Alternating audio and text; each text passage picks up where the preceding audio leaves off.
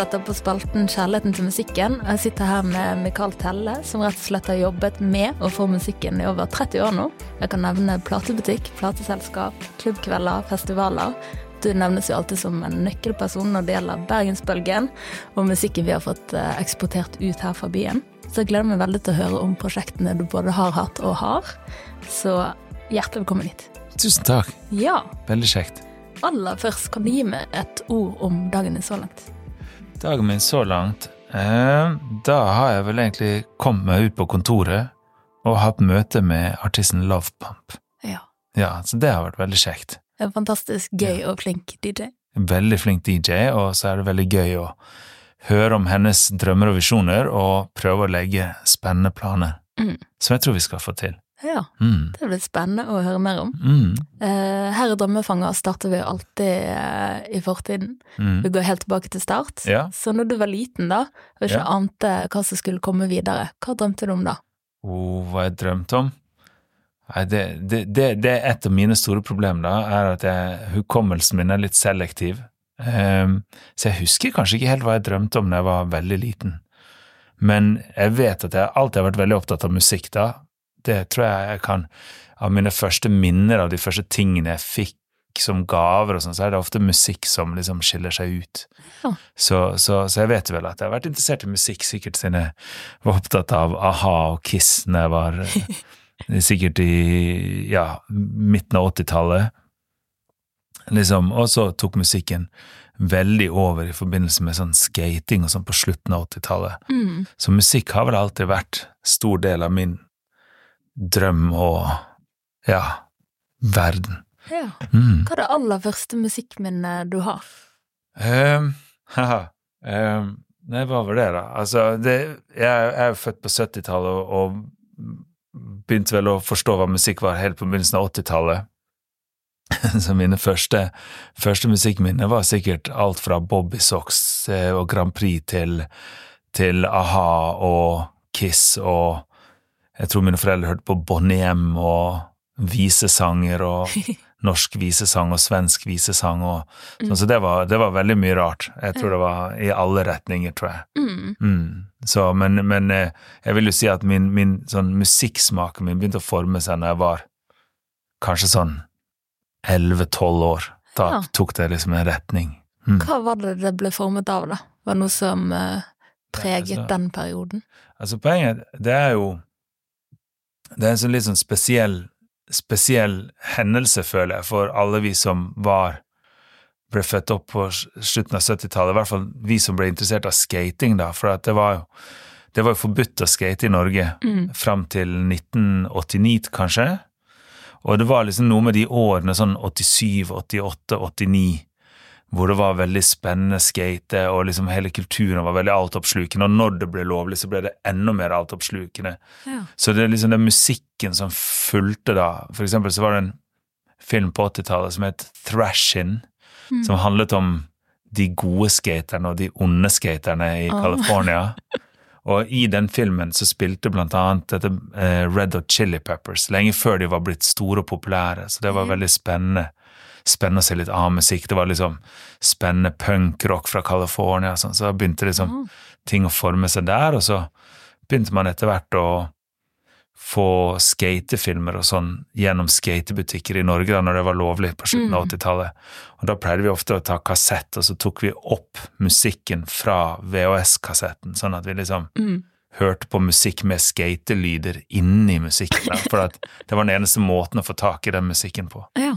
Så jeg føler skating, hiphop, punkrock Mm. på slutten av 80-tallet, og så kom liksom elektronisk musikk inn veldig tidlig på 90-tallet. ja. Ja, så det kom, skating var en viktig del, i hvert fall det å finne liksom identiteten og finne hva du var veldig interessert i.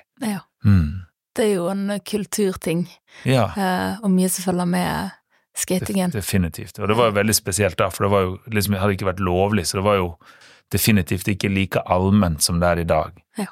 Så det var, føltes veldig spesielt. Hva var skatespotsene dere eh, hadde på den tiden, da? Nei, altså jeg har jo vokst opp i Fana, da, så vi var jo, sto mye i parkeringshuset på Nesttun, vi. Ja. Det, der var det tørt. trappene på gamle Nesttun senter før det, før det ble gjort om, var jo veldig populært. Ja. Så vi skatet fra Nordås til Nesttun. Men så var vi også veldig tidlig nede på Det ble bygd en skatehall i gamle BMW sine lokaler på Danmarksplass, Mm. som var et veldig, veldig populært sted for alle som skatet når de var ja, Ja. den tiden. ja. Da er Så- det på linjen, da, kanskje? Hva sa du? Nede på linjen fra Nordås til neste, den linjen som går ned til han Hva ble linjen? Sånn, Ja, eh, man kalte det for linje, men det var egentlig bare en Ja. sånn vei som egentlig gikk rett ja. ned til Gamlehaugen, egentlig. Å, ja, bare et sånt ja. strekk fra ja, jeg, har ikke, jeg har ikke fått med meg at det het linje, men det kan nok sikkert hende. Ja, fra cirka der med lagunen til ja, vi, eh, vi, vi, altså jeg, jeg, jeg bodde først på Skjold og så på Nordås, så vi Mm. pleide å skate ned. Og, altså vi hadde jo venner som bodde hele veien ned mot Nesttun.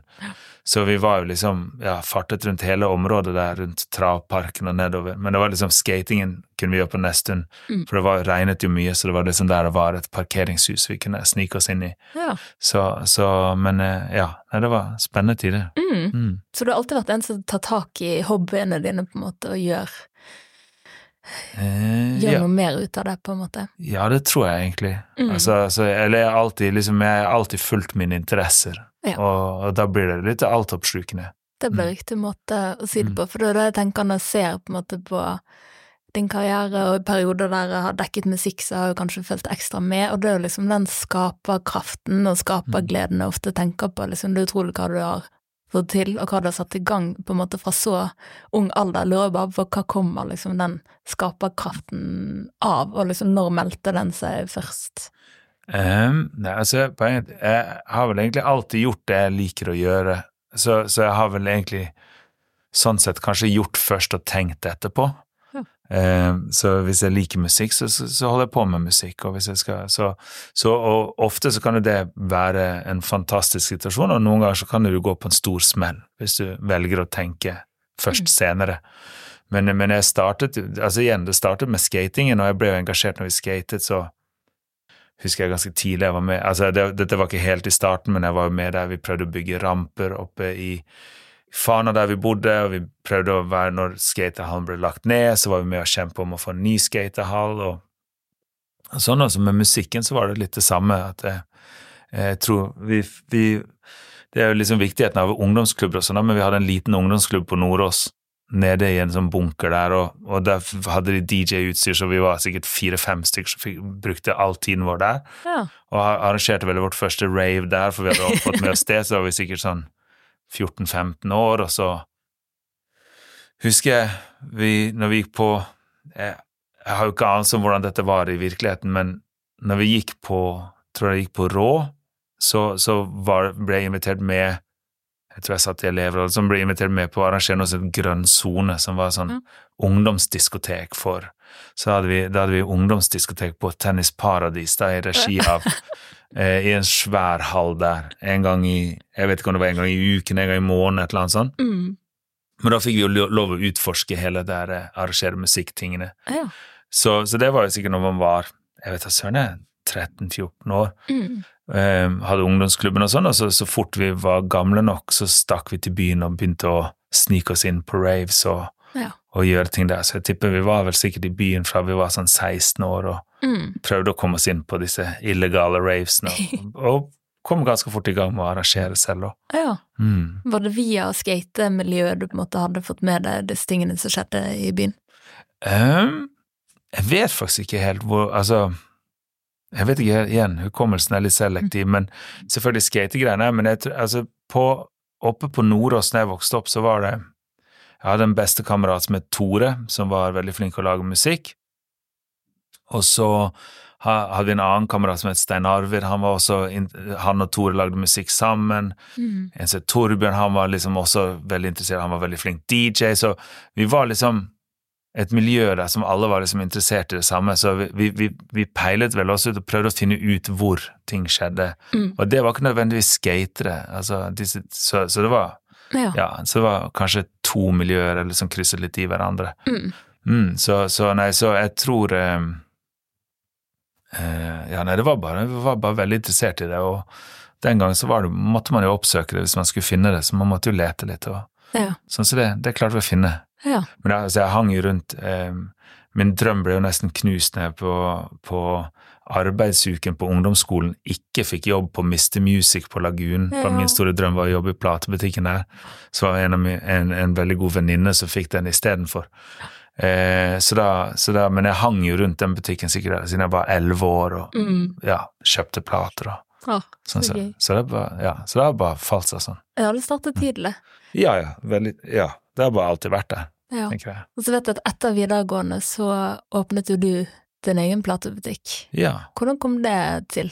Primitive uh... Primitive Records. Ja. Ja, nei, det var ehm, Jeg gikk på Fana gymnas. Klarte å henge med første året, så ga jeg litt opp, egentlig. mm. Eh, var mye mer opptatt av å tenke på hva jeg skulle Neste, neste arrangement, neste rave, neste Ja.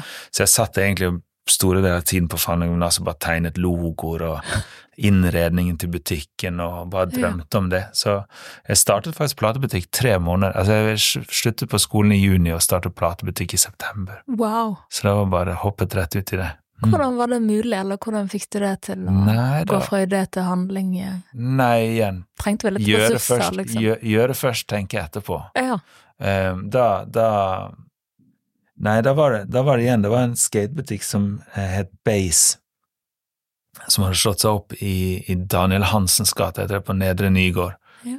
Og så var det en eh, eh, eh, lydutleie som het Lyd, lys og karaoke, som også lå i samme gate. Og så gikk jeg og leide enda et lokal i den gaten, så da var det liksom et sånn lite miljø der bortenfor Grieghallen på Nedre Nygård Mm. ble, ble omtalt som det nye, spennende miljøet, men det skjedde. Men så kom det liksom punkehus og skatehall og alt var liksom der nede. Mm. Men så vi åpnet, åpnet der, men jeg fikk, jeg, mine foreldre hjalp meg å låne 100 000 kroner, så de, de kausjonerte for lån. Ja, Eh, de hadde troen, de. ja, altså Ellers er de bare veldig snille med meg og backet meg og, og, og sånn. Og de, de så jo det, kanskje at karakterene ikke var så gode, men at entusiasmen var stor, så jeg håper jo kanskje at de så et eller annet. Men, men mest av alt så har de alltid bare vært veldig supportive. Ja, Mm. så bra. Så jeg fikk 100 000 kroner til å starte butikk, og så gjorde jeg alt galt. Men igjen, gjøre først, tenke etterpå. Ja. Mm. Hva vil du si du gjorde galt, da? Nei, jeg brukte pengene på feil ting. Var ikke så opptatt av å selge plater, egentlig. Vi ble bare mye mer en ungdomsklubb for Mm. Alle, de, alle venner bare hang ut i en platebutikk. Noen kjøpte, noen hang. Men det var jo ikke en økonomi bak det. Det var ikke noe smart økonomistyring i den butikken Nei. de første årene. Nei. Nei, eller noen av årene. Men hadde du et rigg, liksom? Hadde du ansatte og Ja, vi hadde ansatte innom, men det var ofte sånne folk som Altså venner som ikke hadde jobb, som ble utplassert på Nav og sånn. Ja. mm. Nydelig. Så det var, det var definitivt ikke mange ansatte. Og Ja. jeg mener, jeg var ikke flink å holde åpningstidene. Det var, altså, det var ikke en ungdomsklubb. ja. Mm. Og så var du veldig ung òg, da. Da du Ja, jeg, Gikk i altså, gang. jeg var, var ikke gammel. Og, Mm. jeg mener sånn, så flyttet vi jo sammen med den skatebutikken etter hvert. Når vi flyttet fra Altså, vi hadde vært innom et par lokasjoner, så endte vi opp i det smaue bak eh, Blå. Ja. Det er rett og slett der frøken Smith eh, nettopp har åpnet noe? Der frøken Smith har åpnet noe. eh, eh, der, der åpnet vi eh, eh, to eh, Bernhard Sport, som var skate og snowboard, så hadde vi Primitive Records. Og da var det jo litt mer, litt mer proffere former, men det varte ikke så lenge. Nei. Nei. Men så har jo dette på en måte Det gled vel på en måte inn i det som nå er Telle Ja. Records. Ja, nei, det var Ja, det var for så vidt. Altså, um, det som endte, var at den ungdomsklubben rundt platebutikken var jo flinke musikere. Mm. Og uh, på et eller annet tidspunkt, altså dette var ganske tidlig inne i, i den prosessen, så begynte vi å snakke om liksom, at vi burde drive vår eget plateselskap og, og gi ut ting, og så, og så arrangerte vi helhusarrangement. Første, jeg tror det var kanskje var første helhusarrangement på Kvarteret, Ja. som het Den elleville festen. Ja. Og det, det var i 97, og da spilte alle disse artistene som hang rundt i butikken, og så ble det en kjempesuksess. Det var liksom Vi solgte ut sikkert 1500 billetter for hele huset, og Ja. folk kom ikke inn, og det ble bråk i gaten, og det var liksom veldig sånn Ja. Det skjedde mye. Og, og med de pengene, da, så, så startet vi Tele Records Nydelig. og ga ut de første singlene med, de, med overskuddet fra det. Ja. Mm. Og hvilke artister var det som ble utgitt eh, den gangen, da? Um, først, første singelen det var kameraten min Tore som gikk under navnet Erot. Mm. og andre singelen var eh, Røyksopp. Og så kom det jo ganske fort. Så, altså, vi var jo eh, Jeg husker ikke helt rekkefølgen i hodet, men det var Annie, Ruff Myers, Mm. Og så, og så startet vi opp et nytt label som het L1, som skulle være liksom indie-label, så ga vi ut Kings of Convenience. Og så, ja, så Ja. gikk det fort unna. Mm. Det gikk fort unna. Dette er jo navn som eh, stort sett hele verden kjenner til i dag. Ja, ja, det, Flere av de i hvert fall. ja nei, det, det, det, noen har hatt kjempesuksess. Ja. Mm. Men på den tiden eh, kunne man ane det, da? Hva som skulle Eh, komme? Nei, kanskje ikke, ikke, ikke liksom i 90 Altså, vi ga ut, første, 90, altså, vi ga ut den første i 98, så 98, 99 Da ga vi ut, og så var det sånn, da var det på vinyl, det var jo ikke internett på samme måte som nå. Så da var det sånn at første utgivelsen brukte vi sikkert et år på å selge ut 500 kopier, og den neste brukte vi et halvt år, men når vi begynte å gi ut singel nummer tre og fire, sånn, så plutselig ble det utsolgt på dagen, så da begynte man jo å merke at nå var det jo noen som var fan av det vi holdt på med. Mm. Eh, men så, når vi kom til 2000, da, da, var, vel, da var vel både Røyksopp ble signert, Kings Convenience ble signert, Annie ble signert, jeg tror faktisk nesten alle ble signert i løpet av 2000-2001. Mm. Eh, og da ble alle de signert i større plateselskaper, da begynte det å gå virkelig fort. Ja. Jeg ga ut samleplat som jeg ga ut, ble gitt ut gjennom Virgin over hele verden, og så kom Røyksopp sitt album, og de var plutselig MTV-nominert, og, og ja, det var liksom, det skjedde masse hele tiden. Mm. Mm. Og denne perioden har jo på en måte fått uh, et navn. Vi henviser jo alltid til det som uh, en av bergensbølgene. Ja, ja, vi hatet det uttrykket når, det, når, når vi holdt på, men jeg kan se hva de mente nå sånn på ettertid, så kan jeg forstå at det kommer og går litt i bølger. Mm. Men, men, men akkurat vi følte at vi holdt på med det samme hele tiden, så det var ikke noen bølger, det var bare. Naturlig progresjon. Vi var jo vi var arrogante og, og, og følte at vi var Dette var, var ikke en bølge, det var bare noe. Det var bare oss. Ja. Mm. Det er et eller annet med når flere kommer sammen og lykkes sammen, eh, Ja. som vi også har sett senere med Mm. ja, for eksempel NMG-gjengen eller Ja, ja. Vibbefanger eller Ja, ja, nei, jeg tror, jeg tror altså det er jo Man har jo Det er jo en liten sånn nøkkelperiode der fra du er kanskje 18 til 25 hvor hvis du ender opp å være litt sentrum av omgivelsene dine, da, så kan det bli veldig gode fester, og ut av de gode festene så kan det komme veldig spennende musikk og Ja. sånn. Så velger man jo selv hvor, hvor langt det skal gå, da. Ja. Og altså det som var vi var heldige med, var siden jeg drev den platebutikken, så kunne jeg Igjen, dette var før det var veldig sånn internettbasert musikk. Verden, sånn at da kunne vi liksom sende plater ut igjen til de vi kjøpte plater fra. Mm. Så hvis jeg bestilte fra London, så kunne jeg sende tilbake til London. Så vi Mm. fikk jo Vi var på en måte veldig tidlig ute og eksporterte norsk musikk, som kanskje ikke så mange andre fikk gjort, fordi de hadde ikke det samme nettverket. Det Så det var jo rett og slett litt tilfeldig, men det var ikke noe planlagt bak det, men det var jo Mm. det var likevel noe som jobbet veldig i vår favør. Mm. Men det var noe jeg skulle spørre om, dette nettverket man har opparbeidet seg rundt omkring i Mm. verden i så ung alder. Hvordan eh, kom det til? Nei, altså det var bare det samme. Så man, man, man dro til London, gikk innom en platebutikk, spurte hvordan kan man samarbeide, eller hvem distribuerer dine plater, eller noe sånt, og så snakket med en artist, og så det var, Den perioden så var det også veldig mye DJ-er i Bergen. altså det, Jeg føler jo det er en bølge som vi er tilbake til, hvis man skal snakke om bølger, da, så, så føler jeg jo det er en periode nå som minner veldig mye om den tiden på 90-tallet. Mm. Da var det jo internasjonale DJ-er i Bergen nesten hver uke, hver helg, så man gjorde mye bytte av informasjon og kontakter og sånn. sånn. Mm. Det er Og- litt sånn hvis du kommer og spiller her, så kan vi spille der. Og... Ja, litt, litt av det, men også liksom sånn ja, ok, du kommer her, du driver plateselskapet Ultimate Dilemma eller Tummy Touch eller Moax eller et eller annet sånt. Kan, hvor, hvor får jeg tak i platene dine, kan jeg bestille? Så sender du tilbake. Ja. Ja, så du driver bare rett og slett bytter informasjon. Mm. Så, så, så nei, det var um, Ja, nei, det var bare sånn, det, det skjedde jo bare naturlig. Det var bare sånn vi tenkte. Så det Mm. var igjen Tenkte ikke så mye over, det var ikke en, en stor plan bak det, det var bare Ja. naturlig progresjon som gikk litt fort. ja. Det er gjerne den energien andre fanger opp, og da får lyst til å være en del av samfunnet. Ja. Man merker at det er ekte og Mm. genuint, og at det er lidenskap der, da. Ja, og jeg tror liksom vi ikke sant, Med å være litt fra, fra der vi er, så var vi jo kanskje litt rare for resten av verden òg, sant. Så kommer du fra Bergen, så er jo inspirasjonen kanskje fra liksom, kommer litt fra alle kanter. Så vi var jo Det som gjorde at vi, vi skilte oss litt ut den gangen, var jo at vi var opptatt av elektronisk musikk. Vi likte å kjøpe house-låter som var 14 minutter lange, og eh, for så vidt Erot og Bjørn Torske og de, de lagde jo også disse lange diskolåtene og sånn, sånn. Mm.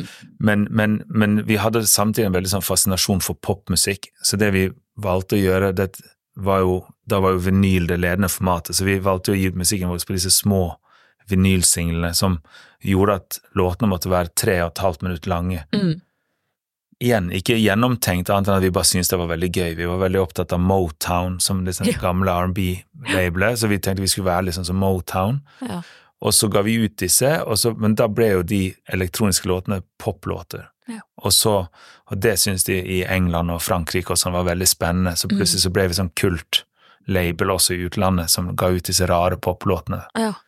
Det var fantastisk. innenfor dansemusikken. Så det var, så, så det var igjen tilfeldigheter som gjorde at vi fikk litt ekstra oppmerksomhet. Mm. Mm. Nå tenk på det der eh, med yngre i dag, kan du på en Mm. måte se da til dere, det Mm. dere fikk til her, og Mm. tenke det er noe man kan få til fra Bergen, men jeg lurer på hvem dere så til, liksom.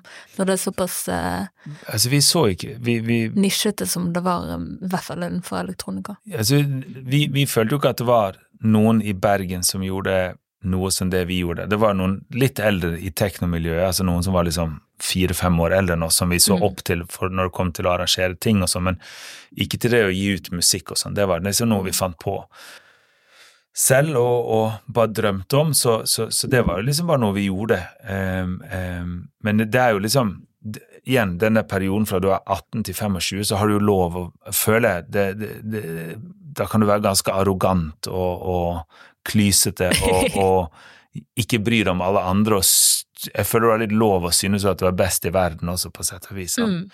Eh, ikke like sjarmerende når du blir eldre, men akkurat den perioden der, så er jo liksom Hvis du er, er i sonen, så er du i sonen, på en måte. Mm. Jeg, jeg, vi følte vel bare at vi, vi, vi brydde oss bare ikke om noen andre. Vi bare var i sonen, vi gjorde akkurat det vi hadde lyst til å gjøre, vi møtte akkurat de vi hadde lyst til å møte. Ja. Eh, booket de DJ-ene vi hadde lyst til å booke, og så brydde vi oss ikke om noen andre. Vi brydde oss ikke om hvem som var populær i Oslo, vi brydde ikke oss om hvem som ble spilt på radio. Mm. Det var bare ikke viktig for oss. Eh, Det var mye viktigere liksom, hvem som drev den platebutikken i London, hvem var sist i platebutikken i London og kjøpte med plate hjem. Ja. Det var sånne ting som var viktig for oss. Så gøy. Så, så, så det var bare en, en, en, um, utilsiktet arroganse og, og, og ja, Ja. ja, så det var bare sånn. Og det Mm. tenker jeg, det, det, det tror jeg um, folk har godt av å Ja. være i dag òg. Mm. Så jeg blir litt glad når jeg møter folk som syns at det vi gjør er drit, og sånn at de bryr seg om det. Det er kjempebra. Det. Ja. Og jeg har faktisk begynt å jobbe med artister som har slengt drit om oss senere, Mm. fordi de har vært unge og arrogante og følt at de har gjort det beste. Og det har de gjerne gjort også, Ja. men så trenger de hjelp etter hvert. Ja. Mm.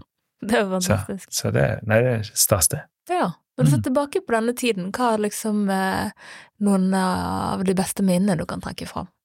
Eh, nei, altså jeg tror bare det er Altså på den tiden når du er den alderen, så er det jo bare gøy å være ute og feste med venner, og, Mm. og, og vi gjorde jo akkurat det vi ville, så alt var gøy. Mm. Så, så det eneste som ikke var gøy, var kanskje økonomien som fulgte, og, Ja. og sånn, men og, jeg mener sånn skal man liksom gå tilbake, til alltid ting man kunne gjort annerledes, men Mm. samtidig så hadde man ikke blitt den man var i dag. Men altså, vi hadde jo mange, i den perioden så fikk vi masse tilbud, så vi, altså, jeg takket nei til å ha et eget klesmerke i Japan, og Oi.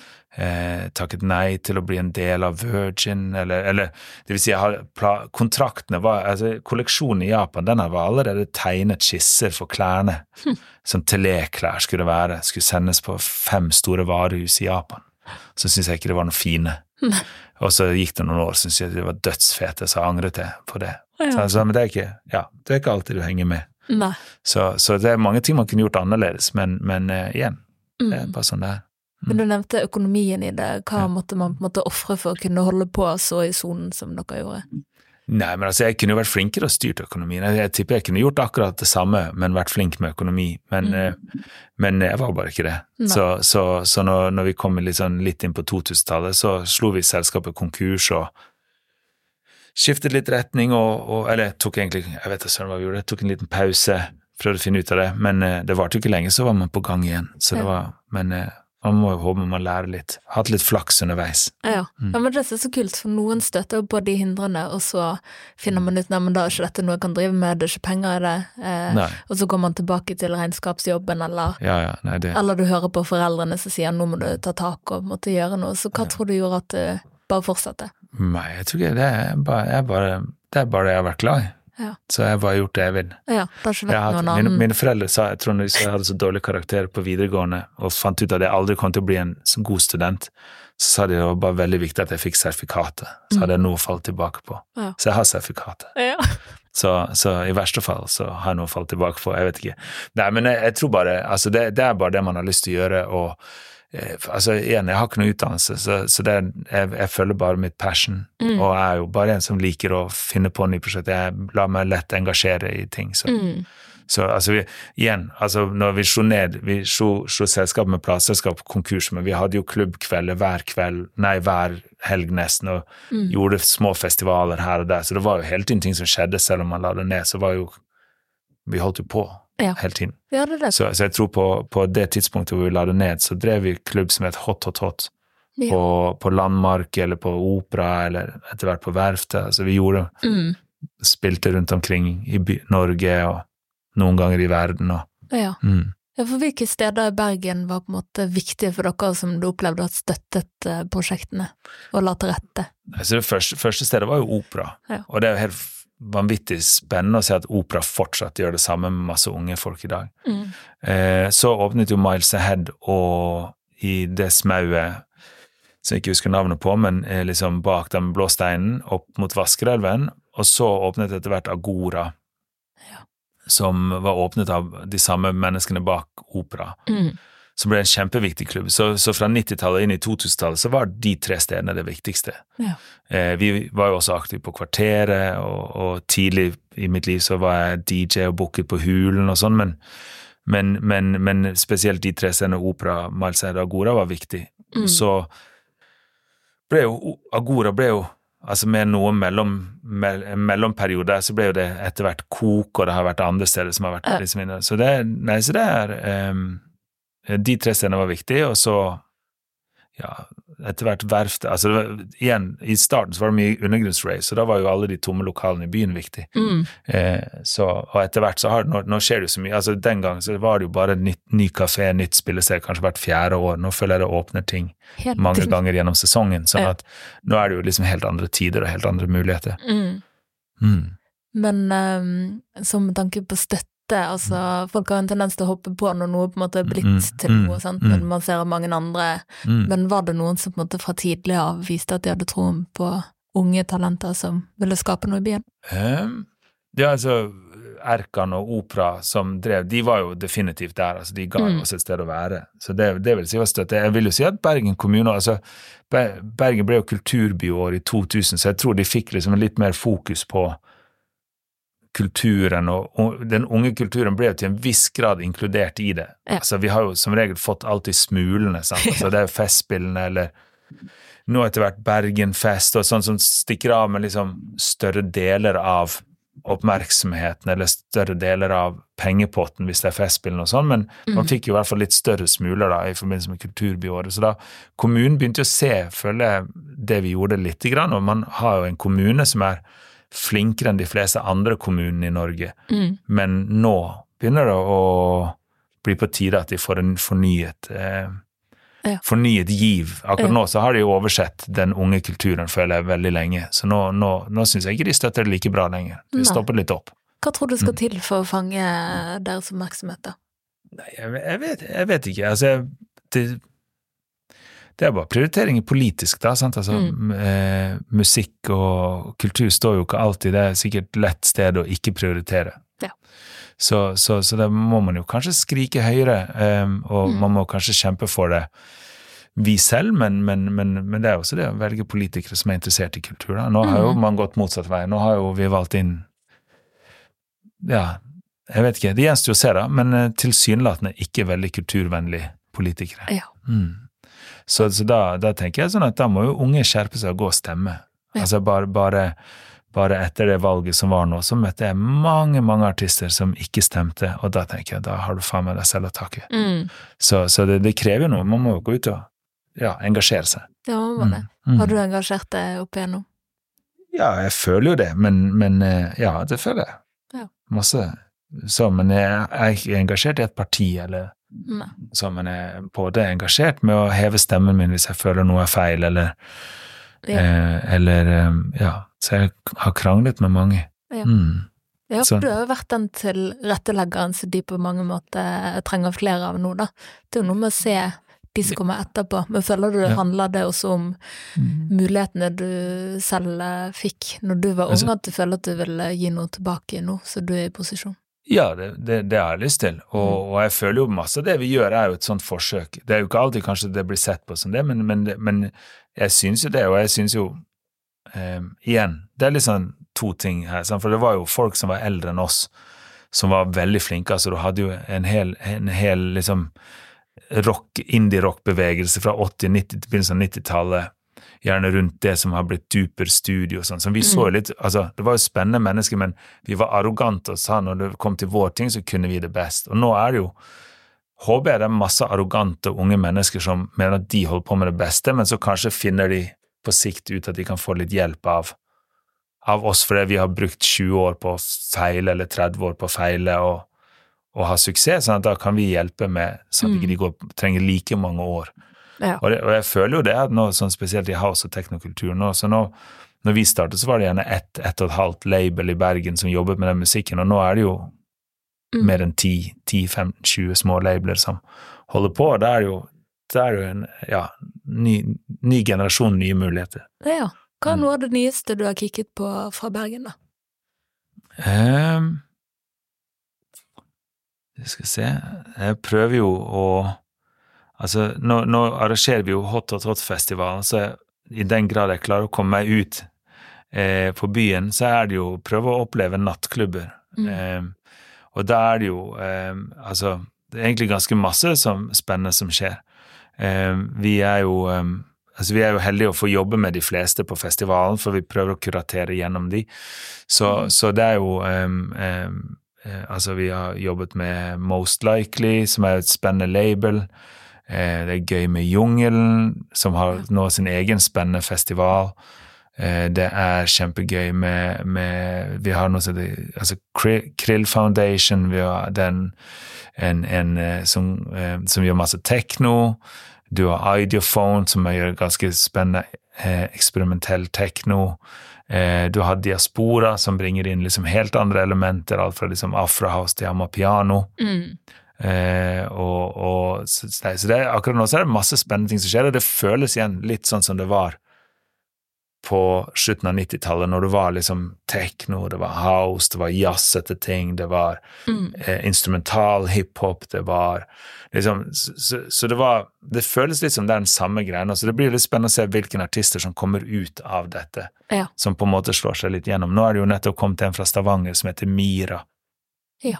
Som, som slår seg opp som house-produsent. Så, så, det, så det, det, det dukker jo opp. Hun reiser rundt om i verden og begynner å bli vokse som en stjerne. Og, og sånn, så det, Man vet jo aldri helt hvor de kommer fram, men eh, Mm. det føles det lages spennende musikk. ja. Så jeg vet ikke helt hvem det er som blir den neste. Så, men, men jeg føler det, det, vaker noe, så noe spennende kommer til å skje det neste år eller to, tror jeg. Ja. Mm.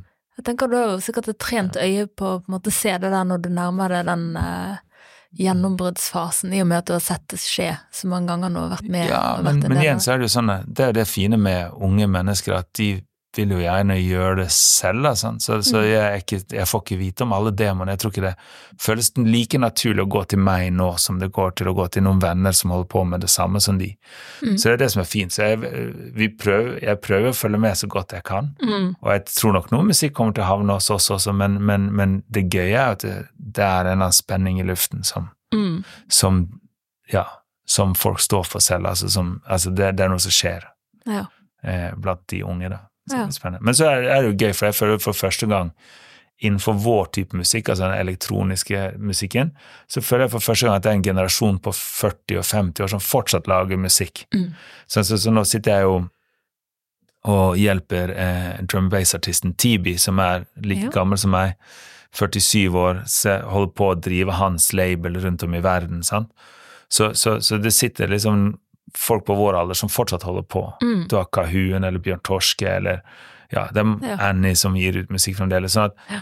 Så det, det er litt gøy spenn, da. Nå, er det liksom, nå kan du gå på nattklubb, og så, og så kan det være folk fra 18 til Mm. 58, og så det, føles det naturlig, og det er helt fantastisk. Det er veldig fint. Ja. Det viser at kjærligheten til musikken har ingen grenser, liksom. Nei, det vil jeg si. Det er jo nydelig. Så det er veldig kjekt. Det er jo kjekt. Ja. Så, så Nei, så det blir spennende å se. Det Mm. er veldig spennende å se. Mm. En annen ting som blir spennende å se, er hva du svarer på spørsmålet i spalten Pingvin i fryseren. Så vi går inn dit og Mm. finner ut hva du tenker om hva som fikk deg til å le sist på internett. Eh, Nei, altså, eh, akkurat nå så har jeg en, en, en periode hvor jeg syns det er så morsomt med sånne her eh, mennesker som skal realisere seg selv og ha med andre på internett. Sånn at det, det er jo eksepsjonelt masse spennende life quotes og meninger om hvordan du skal finne gleden med livet. Mm. Um, og ofte så er disse menneskene virker kanskje som de mest anspente menneskene. Så, så, så akkurat nå så har jeg, jeg og min kollega, vi deler veldig gode life quotes. Noen gode, noen hysteriske. Mm. Mm. Som, eh, som inspirasjon eller som uh, sarkasme. Ja, det, det, det er det som er det, det, er litt fine. Det kan være litt sånn usikkert hva som er hva innimellom. Ja. Sånn? Noen ganger så har de noe fornuftig å si, og noen ganger så er det helt ute. Ja, Ja. Mm. Okay. Så, så det er det. er, alt, alt er ikke rett fram. Nei. Nei. Hva og hvor eh, drikker du helst på byen? Altså, nå, nå, nå jeg, har jeg aldri drukket alkohol, da. Så, så jeg drikker fortsatt Cola Zero, er det blitt nå. Cola da jeg var ung, Cola Zero da jeg ble eldre. Så, men eh, men jeg, jeg, jeg trives veldig godt på masse forskjellige steder. Akkurat nå så er jeg jo i en alder hvor jeg har to barn, så det å gå ut er en glede i seg selv. Så da er det jo veldig kjekt å gå ut og utforske så mye som mulig. Men eh, jeg trives veldig godt eh, på Tempo Tempo. Mm. Mm. Det er et fint sted. Ja. Hva er det beste komplimentet du kan huske å ha fått? Mm, eh, det vet jeg ikke. Jeg, jeg, jeg, altså Poenget er at jeg, er sikkert ikke veldig god med kom komplimenter, så jeg vil nok si at det jeg syns er veldig kjekt, er jo når du føler at du gjør noe sammen med noen, Mm. og du føler at de setter pris på det, og du selv setter pris på det. Det er vel det beste komplimentet jeg kan få. Det er vel å ja, få være med og skape noe med noen. Ja, ja. Mm. Gjensidig entusiasme for et Ja, samarbeid. altså, jeg, jeg føler jo at folk er flinke å gi komplimenter og sånn, jeg vet ikke, bare eh, Ja, nei, jeg syns men, men, men igjen, den, den, den, det, det er å eh, anerkjenne hverandres innsats og, og, og, Mm. og, sånn, det, det, det, det er en stor glede. Mm. Ja. Mm. Hva var det siste du brukte penger på? Eh, nei, det var sikkert mat på vei til jobb, tenker jeg. Ah, ja. Ja. Så det var ikke så spennende. Nei, Nei. Hvis det er sant, da. Ja, ja, ja det, det, det, det, var, det, var, så lite spennende. Ja. Så eh, før det så var det sikkert eh, betale graderingen i taekwondo til min datter. Mm. det er gøy. ja. Hvem er Bergens beste band? Bergens beste band? Mm. Uff, det, det er ikke mulig å si. Det, er for mange spennende artister her til at man kan peke ut et. Men, eh, men det er masse spennende. Det er jo. Ja. Ja, da utgår neste, så bare Ja. kan du synge en strofe av Ja, med det, det kunne jeg uansett ikke gjort. Nei. Nei. Mm. Har du en situasjon der du tenkte shit, det er faktisk meg som er drittsekken her? Uh, ja, det er sikkert. Uh, uh, sikkert med jevne mellomrom. Mm. Men det er jo, selvinnsikt kommer jo kanskje innimellom litt senere enn eh, det man gjør. Mm. Så, så men, eh, men jeg har ikke noe har ikke noe spe, spesifikk eh, situasjon jeg angrer på, eller noe sånt. Det har jeg ikke. Nei, Nei. det er jo bra, da. Nei, Da ja, men, men, men, for, men for all del så er det jo sånn altså, Poenget er at man altså, eh, i, i min verden så gjør man jo det, det vi holder på med, gjør man jo fordi man ønsker å gjøre noe bra. Så man Mm. gjør jo alt med de beste hensikter. Ja. Det betyr ikke at man alltid oppfører seg bra i prosessen, men hensiktene er alltid Ja. gode. Så da kan man i hvert fall Det ha bra. god samvittighet. Ja. Mm. Eh, Hvilke bergenske uttrykk bruker du mest i løpet av dagen? Og det er vel vanskelig for meg, jeg som ikke engang kan snakke verken bergensk eller noen andre dialekt, så har jeg ikke noen sånn men, men, det er jo eh, Jeg har funnet det veldig humoristisk. Altså, du glemmer jo eh, at Bergen har ganske egne uttrykk, men bare sånne ting som å si at ting er fett, mm. er jo veldig morsomt at ikke folk i resten av landet forstår, for du tenker at det er mm. noe som alle sier. Ja. Men jeg har opplevd å blitt misforstått flere ganger ja. ved å si at er Altså si at noe er fett eller feit eller et eller annet sånt. Ja og fått litt sånn aggressive øyne fra venner i Oslo som har trodd jeg har sagt noe annet. Hva sier de, da? Nei, jeg vet ikke. Altså, jeg tror bare jeg, nei, jeg tror, ikke, jeg tror, det er ganske Jeg tror det er ganske bergensk å si det. Så, så, jeg skal ikke si det sikkert, men jeg, jeg syns også det var veldig morsomt. Vi startet på slutten av 2010-tallet, så startet vi jo en label som het Opplett, og ga ut masse sånn altså Jon Olav og Fjorden Baby og alle disse. Mm. Og da tenkte jeg sånn, opplett det er jo et fint ord. Ikke sant? Det har opplett i Bergen fint, men det viser seg å være et ord fra Bergen. Oh, ja. De I Oslo så vet ikke hva opplett er for noe. Oh, ja.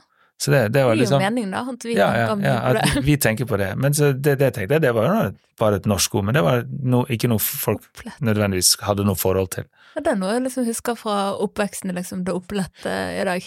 Ja, så det så Eller bli opplett i morgen, ja, liksom. Ja, mm. så, så det, det, tenker jeg er jo liksom sånn et, Ikke et ord jeg bruker mye, men det er fascinerende at, at det er veldig lokalt. Ja. Mm. Det er sikkert flere ord enn eh, man skulle trodd. Det er, det er nok det. Jeg tror bergensere har en evne til å lage sine egne. Ja, vi er nok litt i ja. en boble her. Ja.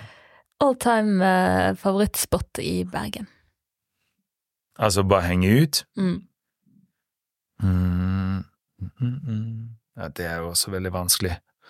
Jeg føler liksom da ville jeg vært innom det kommer, Jeg har så mange faser i livet nå at jeg tror ikke det er liksom én så, så, men, eh, men eh, nei, Så hvis det er utelivet, så går det fra opera til Miles Ahead og Agora til Landmark til Ja, videre. Nå er jo Altså, nå er jo en veldig stor del av livet mitt på verftet. Mm. Eh, vi har kontor på verftet, vi har festival på verftet, har vært med der har jeg vært med liksom, gjennom styreverv og få på plass det nye Altså, vi har fått gleden av å følge med veien til å få den nye hallen og sånn, så nå er jo, akkurat nå er verftet. Ja.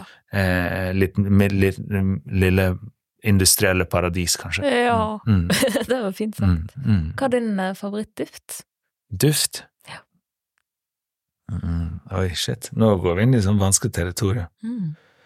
Jeg, jeg, har ikke én spesifikk eh, eh, favorittduft, men jeg er veldig avhengig av frisk luft. Ja. Så, så all den følelsen av å kjenne masse oksygen inn i lungene er veldig bra. Så jeg mm. liker å som om det er sjøduft eller fjelluft eller skog eller en, for så vidt en mild parfyme eller et eller annet, så, mm. så er det bra, det. Ja, Men det, friskt. det må føles friskt og lett mm. og mm. Så bra. Ulriken og Fløyen. Ja, der er det Fløyen. Ja. ja knapt nok vært på Ulriken alle de årene jeg bodde. Ja, samme. Mm. Hva ville du gjort hvis du kom hjem og fant en pingvin i fryseren? En pingvin i fryseren? da, da hadde jeg sikkert ledd masse. Altså hva, Ja, nei, så måtte man jo funnet ut man skulle, hvordan man skulle hjelpe pingvinen hjem igjen. Ja, ja. Det var jo noen som stjal en pingvin fra akvariet for noen år siden. Tok han med hjem, så mm. Nei, jeg tror jeg ville prøvd å få det. Nei, det var ikke meg. Jeg tenker jeg ville gjort det meste for å prøve å få pingvinen tilbake igjen til et akvarium, eller der ja. det burde være. Ja. Koselig. Jeg er en dyreverner, så, så jeg ville ikke Ja. Måtte hjulpet den så fort som mulig. Ja. Mm, Kjedelig svar. Mm. Nei da, det er et godt svar. Ja, ok, så bra. Bra svar for pingvinen. Jeg vil snakke litt videre om ditt forhold til Bergen og ditt potensial du ser her i byen, mm -hmm. om uh, samarbeid. Mm -hmm. Først må vi innom uh, litt av prosjektene du holder på med i dag.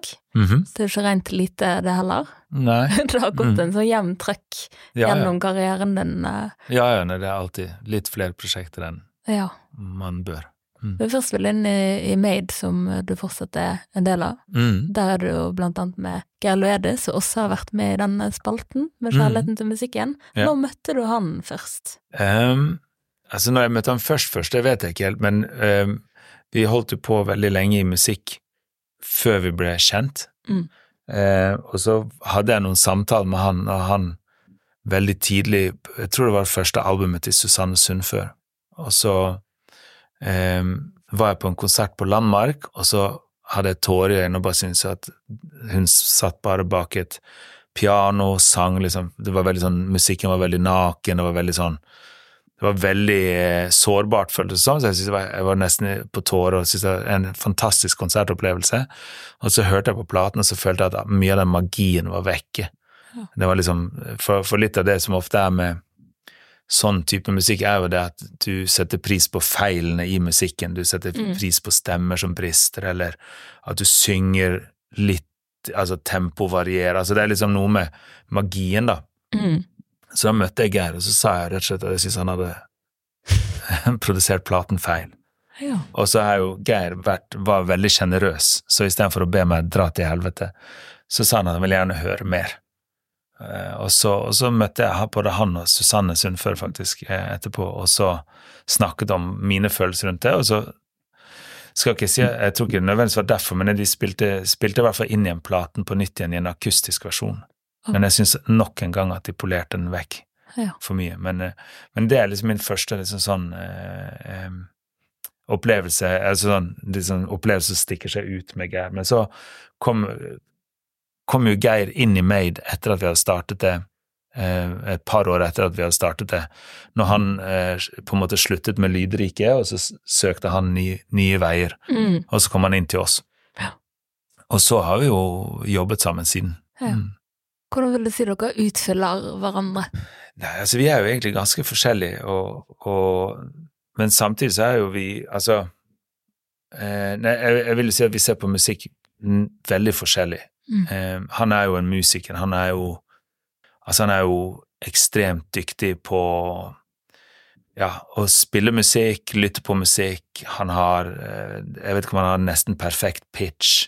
Han, har liksom, han kan alt med musikk, mens jeg kan ingenting om musikk. Jeg kan ikke lage musikk, jeg kan ikke synge, jeg kan ikke spille. Men jeg er bare veldig stor fan. Mm. Så jeg tenker at han kommer fra det liksom fra musiker-kunstner-point of view, og så kommer jeg fra fan-point of view. Så, vi, så veldig ofte så har jeg sånn Altså, jeg har måttet Når vi har kollegaer i firmaet som spør meg om råd og Geir om råd, så kan vi si motsatt ting. Mm. Som er jo ikke alltid like bra for, for, for, eh, for verken artister eller kollegaer. Så vi er veldig forskjellige, men samtidig så føler jeg altså at vi respekterer hverandres eh, mm. approach veldig mye. Jeg mm. syns jo han er eksepsjonelt flink og, og, og, ja, ser ting som jeg aldri hadde sett før. Mm. Så for eksempel når han signet Sigrid, så hadde jeg ingen tro på Sigrid. Ja. Jeg, hadde, jeg forsto ikke hvorfor vi skulle signere henne, men han hadde veldig blind tro på henne, og han hadde jo veldig rett. Ja. Så det er jo, ja. Så det er jo, man ser bare på det veldig forskjellig. Ja. Hva var det du ikke på en måte så den gangen, da? Nei, jeg bare syntes i utgangspunktet det var kjedelig, forsto ikke hva de snakket om. Ja. Men så, så, så, kom det jo låter inn, og jeg så en opptre, og sånn, så var det jo, var det jo mm. bare jeg som hadde vært Altså igjen, når du, er, du, du blir du får flere vinkler, eller du kan se ting fra flere sider etter hvert som du blir eldre, mm. men, men eh, jo lenger ned man går i alder, jo mer arrogant blir du. Jeg var selv da var jeg sikkert såpass arrogant at jeg tenkte liksom at det var ikke min, min ting. Ja. Men så var jeg veldig fascinert over hva han har fått til etterpå, og jeg syns jeg er en kjempeartist. Sant. Og lager kjempefine låter og sånn, så det er liksom, ja. Så det, man ser, mm. på, ser det på forskjellige måter. Ja, ja. Men hvordan er det på å gå tilbake på ting du har sagt, da? Nei, altså, jeg tror jeg er ganske ærlig. Jeg tror ikke jeg har ikke noe problem med å si at jeg dreit meg ut, eller at eh, ja, jeg, kan, jeg, kan, jeg, skal ikke henge ut band som jeg syns har vært dårligere nå enn hva jeg syns når jeg, når jeg jobbet med dem før, men, men, det er jo definitivt artister som jeg syns var dårlige da, som har vokst på meg siden. Så det er jo Så, så, så jeg, er ærlig om det. Mm, ja. ja. Jeg trenger ikke å eh, Ja. Man, man, man, lærer så lenge man lever. Ja. Mm. Um, hvordan ser din rolle i Made ut nå? Ja, akkurat nå så er jeg Altså, Made har jo blitt eh, et eh, Made er jo strengt tatt noe som heter Made Entertainment Group, heter det. Så vi har et sånn holdingselskap som har flere selskaper under seg, hvor mm. blant annet Made Management er ett, Standing Ovation er ett, og så driver jeg nå et, et, et, eh, selskap som heter House of Tele, som, som, er basert på mitt gamle plateselskap, men som jeg driver med min kollega Ingrid. Mm som er litt mer sånn inkubatoraktig sted hvor vi finner på nye musikkrelaterte prosjekter, da, blant annet festival, og nå setter vi opp nye plateselskap og jobber mye med elektronisk musikk og house og teknomusikk. Så, så, så Made Entertainment Group er på en måte management, management og plateselskap, eh, eh, booking, og så oss, og så litt andre mindre selskap. Vi har et management som heter Left, og, og et plateselskap som heter Gems. Så, så min rolle oppi det er jo litt å være med og eie det, og sitte Mm. og ha møter med de andre. Ja. Mens Geir driver Made, og, og en som heter Alex er sjef for Standing Ovation, så, så de styrer jo Mm. de selskapene. Ja. Så driver jeg og Ingrid da House of Terror. Ja. Ja. Mm. Jeg begynner bare å lure på hvordan du får tid til eh, alt. Hvordan sjonglerer du? Nei, man, altså, man skulle jo ha mer tid, men man, man må jo også lære seg altså, Når man blir eldre, så, er det jo ikke, så skal man jo ikke ha Skal man jo ikke detaljstyre alt, da, sant? Og nå er jo, igjen, altså made management er noe som Geir kan Mm. best. Så det, han, han er eh, perfekt til å være spesielt den kunstneriske lederen for det prosjektet, er jo han. Mm. Og, og eh, Alex som driver Standing Ovation, han, han driver Standing Ovation, så det er ikke, Mm. det er ikke så mye for meg å gjøre der. Ne. Men i den grad jeg har noen ting jeg skulle si der, så er det jo Hvis jeg kommer opp med nye artister som jeg er fan av, så anbefaler jeg gjerne de til de, og noen ganger så plukker de det opp, og noen ganger så gjør de det ikke. Mm. Og så, og så er jeg jo med på, på styre, styresiden av det, men, eh, Ja. men det, er ikke, det er ikke mye tid. De, de, det er deres verk. Mm. Ja. Men du legger Så- ned mye tid i Hot Hot Hot Hot-festivalen. Hot, Hot, Hot-festivalen, House of Telle, det nye selskapet vårt som heter Hot Music, alle de tingene der, Mm. det, det tar mye tid. Ja. Så, så der er det ja, der er det den ledige tiden man har. Men så prøver jeg nå, når jeg er blitt eldre og jeg har barn, så prøver jeg egentlig å ta fri også på Altså, hele veien opp gjennom livet så har dette vært en livsstil som har tatt 24 timer i døgnet. Mm. Nå er jeg såpass voksen og prøver eh, eh, Sånn forhold til livsstilen, kanskje litt kjedelig, men, men, eh, men for livskvaliteten så er jeg opptatt av å være med familien min og, og Ja. sånn, så da, da må, må man balansere det bedre. Mm. Mm. Hvis vi skal gå inn på Hot og Hot og på en måte visjonen der, hva var Mm. visjonen du hadde for å Eh. skape en sånn festival? Um, nei, altså Jeg har jo alltid hatt et veldig bankende hjerte for, for klubbkulturen, og tror altså Jeg tror kanskje ikke nødvendigvis klubbkulturen skal skape verdensfred, men jeg tror allikevel at den inkluderingen som den type musikk har, er ganske unik. Og, og så har jeg alltid vært veldig fan av det, og så har har jo alltid drevet, altså helt siden midten av 90-tallet, så har jeg drevet med klubbkvelder og gjort litt sporadiske festivaler og sånn. Og vi hadde jo en klubb som het Hot Hot Hot, jeg og en som heter Asle, som nå. Driver Ekkofestivalen og Østre. Så vi hadde liksom Hot og tot som klubb gjennom hele første tiårene av 2000-tallet. Men, men når, um, når pandemien kom, så fikk man liksom en mulighet til å stoppe opp litt i livet og se liksom sånn hva er det man syns er gøy, hva er det man ikke syns er gøy. Mm. Og, og for min del så ble jo pandemien strengt tatt egentlig eh, en stor mulighet. Mm. Eh, mange så var det selvfølgelig veldig trist, eh, og det, altså for alle var det jo veldig trist, men, men, men no, noen ganger så er det jo muligheter med det Mm. Så, så da, da så jeg bare rundt meg at det var veldig mange i det, det universet, i DJ-kulturen, som led litt ekstra. De falt liksom ikke inn under disse her støtteordningene og sånn, så da tenkte vi at hvis vi lagde en Vi fikk lov å arrangere festival med 20 mennesker i det rommet og 50 i det rommet. Mm. Så hvis vi lagde, hvis vi booket bare 100 DJ-er og lagde en festival, Mm. så ville noen av disse pengene tilkomme de artistene også, som slet veldig mye.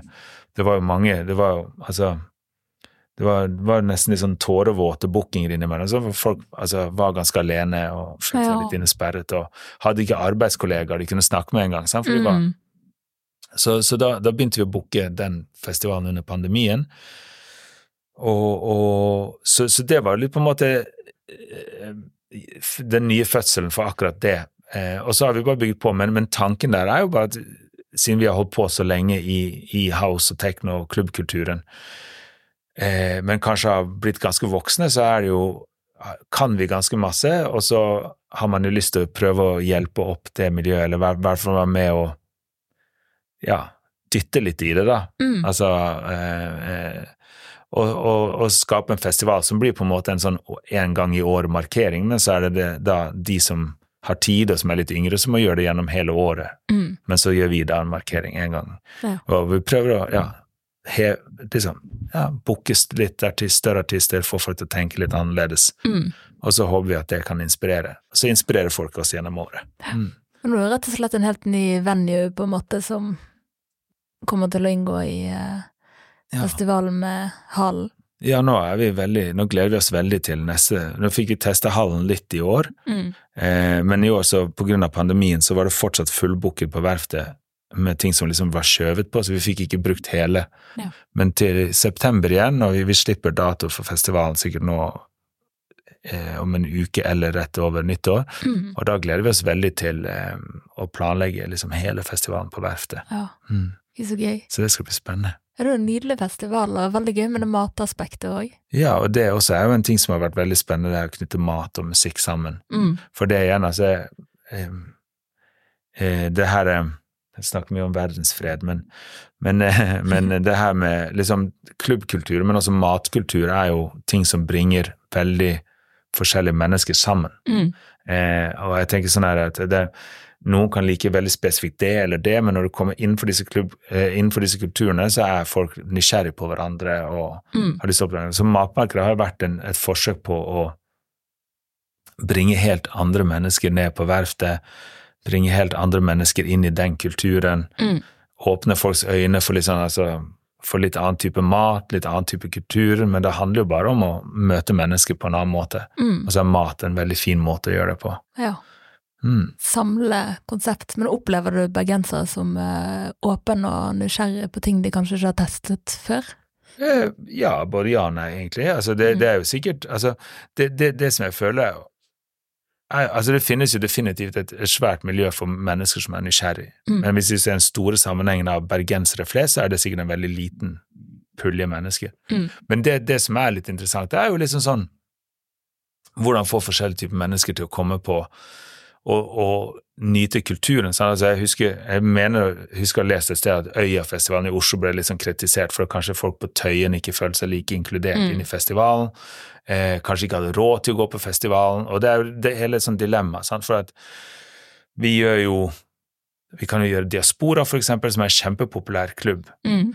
Men, men, men føler alle at de har råd til å gå der? For noen så er 100 kroner masse, for andre så er 300 kroner lite. Mm. Så det er det å prøve å lage situasjoner hvor alle føler de kan gå. Og hvis du går ned på et matmarked som er gratis å komme inn, prøve å ha litt rimelig mat, og du har mat fra Angola eller Balkan eller Sotra eller Sogn? Så, så, så kan alle komme ned og delta smake Mm. på hverandres mat og, og, og møte hverandre. Og så hvis du da føler at ok, nå, nå føler jeg meg trygg på dette her, jeg har lyst til å gå inn på Diaspora, eller jeg har lyst til å gå inn og se eh, ukrainsk tekno hos Krill Foundation, så er det liksom lettere å ta det skrittet inn. Så, ja. Mm. Så, så det, det er et forsøk på å få folk til å møte hverandre. Og, eh, det er jo kan være en utfordring å skape et sted som alle føler seg hjemme, enten du er eh, tjukk eller tynn, svart eller hvit, eh, streit eller homofil. Altså, Mm. det å lage et sted hvor bare alle føler seg eh,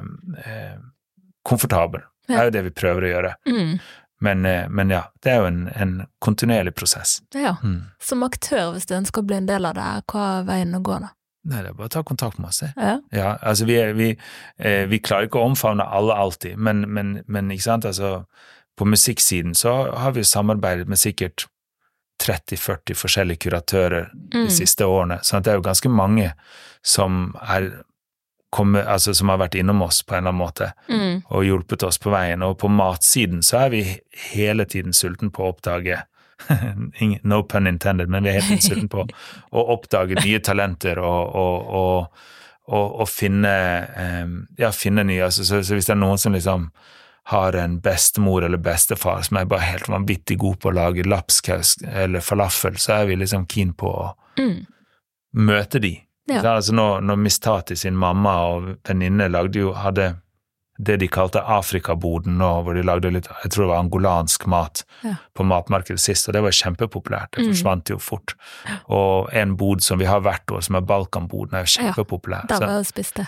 ja, så jeg tror, så nå har vi, så, så vi, vi er alltid på søken etter nye matopplevelser, og vi får, ja, vi får levert eh, østers og sånn rett fra, fra Øygarden, som er liksom, så, så alt er liksom, ja, Mm. Så, så hvis det er noen som har noe å by på der, så vil vi bare høre om det. Ja. Vi, vi, vi, vi er hele tiden gjennom og søker Instagram, gårder, eh, hjemmebakere og, og sånn, så vi prøver hele tiden å finne det, men det er jo stadig vekk nye ting å oppdage. ja. Og så er det veldig gøy med disse pop-up-konseptene som på en måte får plass, Ja, ja. og gjerne liksom familieoppskrifter og ja, ja ting man ikke har nødvendigvis smakt før her.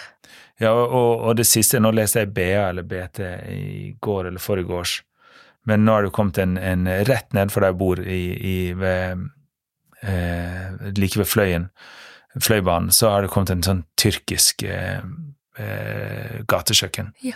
som selger litt sånn tyrkiske pizzaer, eller jeg vet ikke hva det heter, men se, ja, og litt egne type kebaboppskrifter og sånn, så jeg er veldig spent på å gå der og smake. Så det er jo noe som jeg syns er veldig spennende. Ja. Så det, jeg føler det dukker opp sånne småting hele tiden. Ja. Men så er det liksom det å få folk til å Altså på matmarkedet også, så kan de komme og gjøre andre ting. Sant? Så hvis du eh, Michelle, når hun skulle åpne Banza, eksempel, så var hun gjerne nede og testet ut en oppskrift, og så kan jo folk komme ned og teste ut ting Mm. hos oss, da, for terskelen er lav for å eksperimentere litt. ja. Mm. Og så er det en fin måte å få løftet de opp, sant, og mange man har tatt tak i i ettertid, fordi Ja, eh, jeg håper, jeg håper nå at vi skal klare å legge enda mer til rette, at flere kan starte steder og, og, og gjøre ting mer permanent. mm, For det er jo veldig mange talenter som gjerne ikke har like lett for å komme i gang, eller liksom mangler penger eller noe sånt. Så jeg skal ikke si at vi klarer å skaffe det, men jeg håper at flere kanskje finner veien til å starte en restaurant eller en food truck som er liksom tilgjengelig gjennom året. ja. Mm. Det virker som det er en rød tråd her med mye sånn tilrettelegging og på en måte løfting av andre. Er det liksom en Men jeg, jeg tenker jo det, det hvis, du er, hvis du er fan, da, sant? så du kan, jeg kan ikke lage mat, kan ikke lage musikk, Ja. men jeg syns det er veldig gøy med begge deler. Ja. Så, og samme, liksom, altså, samme med kunst, altså før, før når vi drev Hot Hot Hot i starten, så hadde vi nye kunstnere på hver plakat. mm, Vi hadde gatekunstnere som lagde graffiti på klubben. Så, så det er jo bare at vi som fans så bare helt inn, soper inn inntrykk og Mm. ønsker å Du ønsker at andre skal oppleve det samme som du er så fan av. Så Ja. det, er jo det, det er vel det. Ja, spre det glade budskapet. Det er rett og slett det. Spre det glade budskap. Mm. Så det er det. Ja. Det er det man lever for. Ja, Det er det som gjør en glad. ja. Mm. Det synes jo. Mm. Så det er, Ja. jo, eh, det er jo kanskje noe av det som sant, Du har jo eh, absolutt fått utmerkelser og priser og folk som setter pris på eh, jobben du har gjort. Så når man ser på karrieren, så kan det jo se ut som det har vært høydepunkt på høydepunkt på høydepunkt, men har på en måte vært i hindre og vanskelige perioder du har støtt på mens du holder på? Ja, ja, mange. Mm. Altså sikkert like mange hindre og smeller som det er oppturer og gleder, men Mm. det er jo litt det som er, altså oppturene smaker jo ikke like godt hvis ikke du har, eh, har hindrene. Men altså, jeg har jo hatt altså, to konkurser, og eh, noen ganger så, så forlater du artister og man er ikke like glad i hverandre, så blir man glad i hverandre igjen, Altså. så Mm. Eh, så, så, så det er alltid, alltid ting som skjer, og Mm. skuffelser, men, men, men jeg tror det som er viktig, er å vite at det, Altså, man skal helst gå på en smell eller to, lære av det, og så komme ut på andre siden litt sterkere, men man må bare huske at det finnes noe på andre siden, Mm. og ikke gi opp da, tenker jeg. Ja. Um, og et, eh, eh, jeg leste en gang en bok om en, en som drev plateselskap. Jeg blir mobbet for denne boken innimellom, men én ting jeg lærte av den boken, var at uh, du, har, du kan ikke eh, eh, Ja, hvis du skal ha et suksessfullt firma, så må du minst ha to konkurser bak deg. Ja. Eh, og jeg tenker ikke at det nødvendigvis er fakta, men det sier jo bare noe om at du må ha prøvd og feilet litt, og så vil Mm. suksessen komme til slutt. Ja. Men det krever jo også at du ser på baksiden av den feilen. da. Ja. Og det er det veldig vanskelig for mange. Det er, det er jo veldig tøft å jobbe med kultur. altså Det er jo både, både musikk- og restaurantbransjen, så det er jo knivseggen hele tiden økonomisk, sant? så det er jo viktig å klare å se fram. Mm. Mm. Men det er også viktig å ha den drivkraften, tenker jeg, for Ja, ja, å det orke å på en måte jobbe den Det motstanden og Ja. de forholdene, på en måte. Det er må- liksom ikke så mye som blir gitt gratis, nødvendigvis. Nei, du må jobbe hardt, Mm. og du må ville det. Og det er jo det som også er veldig mange. Det er veldig mange som tror de vil det, men Mm. når det kommer til innsatsen, så er ikke de villige til å legge den ned. Ja. Og det er, det er noen som finner ut litt seint. Ja. Mm. Det er vel sikkert noe du lett også kjenner igjen hvis folk har den arbeidsmoralen. Det er vel noe som kommer Ja. til syne ganske fort. Ja, det er mange som jobber med kreative ting som har veldig god selvtillit også. Noen ganger så oppdager du det seint. Mm. Men, men, men, ja, jeg tror det er veldig Det er jo veldig viktig at folk må forstå at det ligger hardt arbeid. Er liksom Man kan ha flaks, men man må ofte legge til rette for å ha flaks. Ja. Mm, så, så, så det, det, kreves. Mm. Mm. Det er også et prosjekt ute i Øygarden man kunne lese at du eh, hadde Ja. en finger med i spillet. Ja.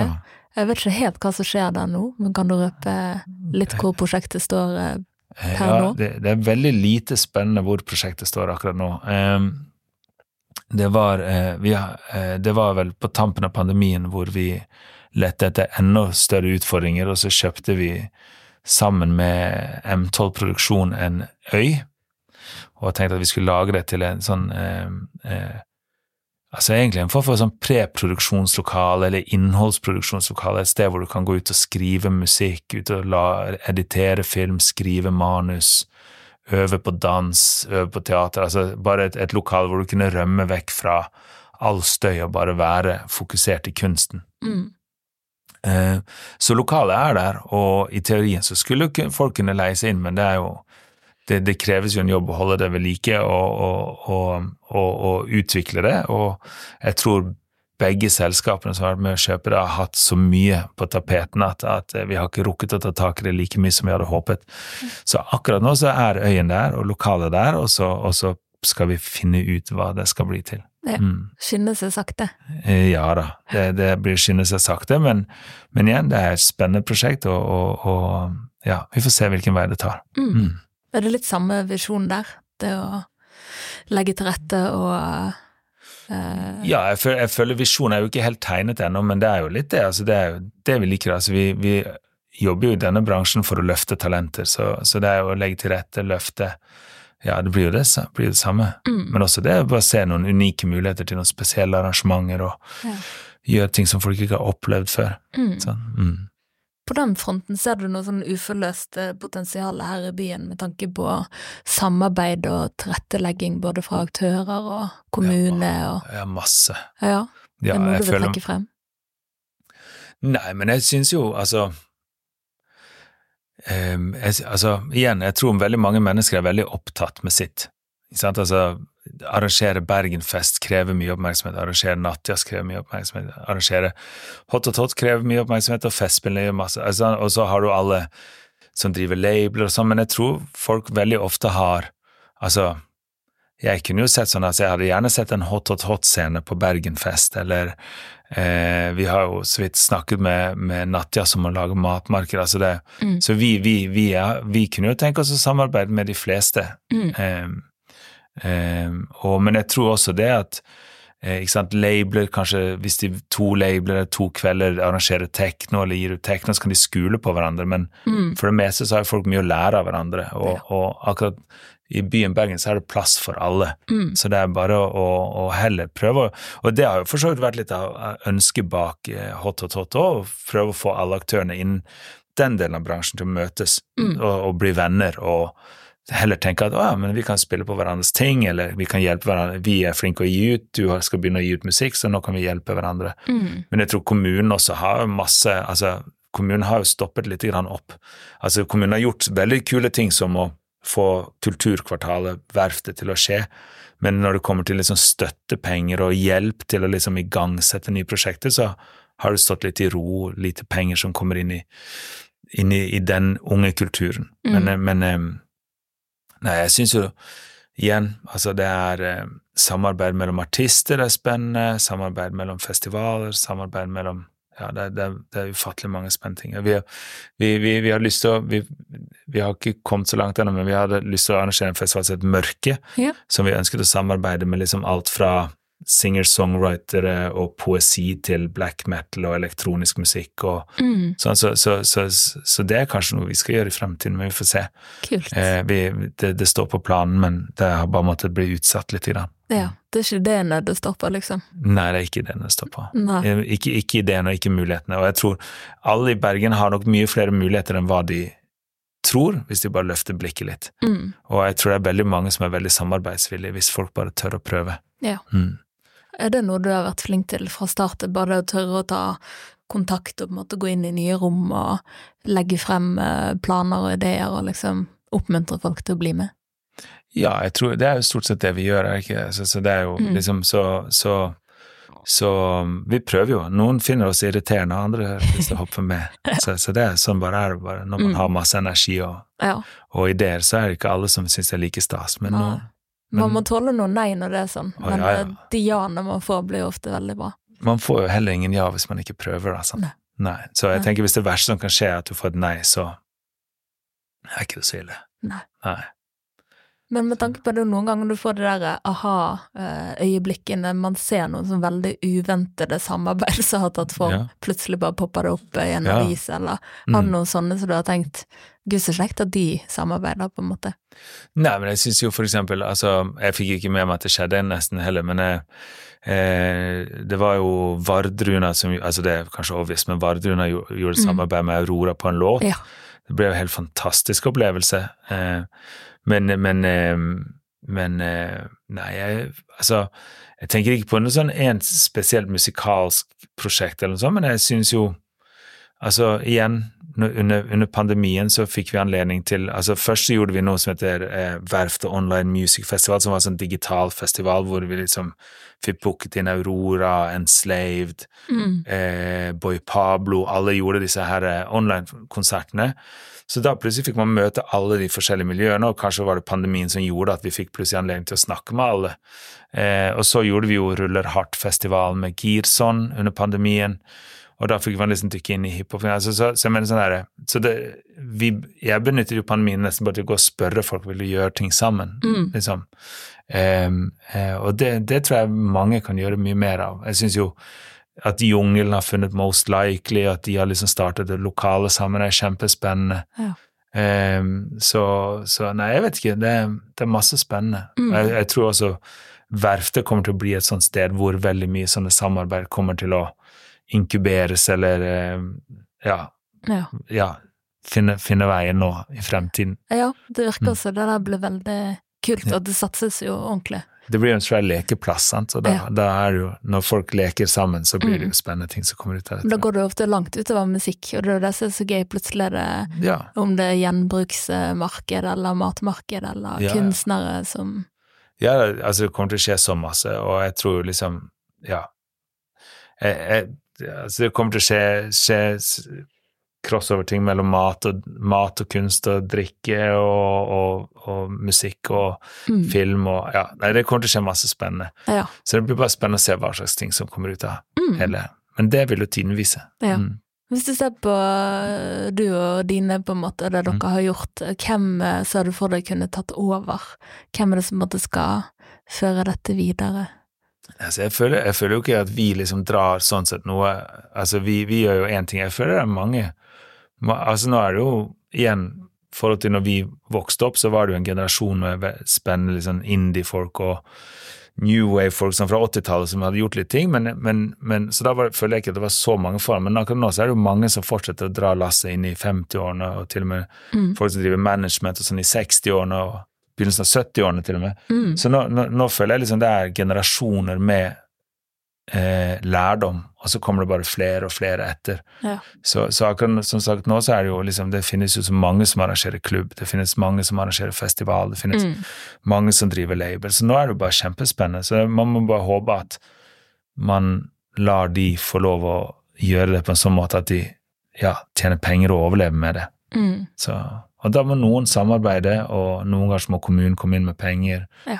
Og så må noen av de større aktørene, så jeg syns jo Bergenfest, for eksempel, gjennom de ja, ganske mange år nå, men en, en stund så syns jeg ikke de var så flinke å booke lokale band, men nå har de blitt Mm. kjempeflinke å inkludere lokale band, og det, det, det har gjort det veldig mye spennende, og det hjelper jo veldig mange Ja. på veien. sant? Så nydelig booking med Stormzy. Ja, Håper folk skjønner hvor stort det er Ja, i den det, sjangeren. det, det, tror jeg, det tror jeg folk vil sette Ja, jeg Mm. tror det, blir sikkert. Jeg, vet- jeg vet ikke om det selger ut. Ja, det blir spennende å se. Jeg vet ikke hvor mange han trekker. Ja. Men det var kjempegøy. Det var veldig kjekt at Bergenfest arrangerer sånne konserter. Mm. Mm. Og at det får ta såpass stor plass. Ja, Denne spalten heter jo Kjærligheten til musikken, så Ja. tenker vi må nesten avslutte med at du beskriver eh, din kjærlighet for musikk. Oi. Um, altså, kjærlighet for musikk, ja. Det, altså, jeg er jo alltid bare på utkikk etter en eller annen form for nerve i musikken. f- prøver å finne noe som beveger meg på en eller annen måte. Så, så, så for meg så er det bare eh, kjærlighet for musikken. Er en e- evig søken etter musikk som gir meg noe.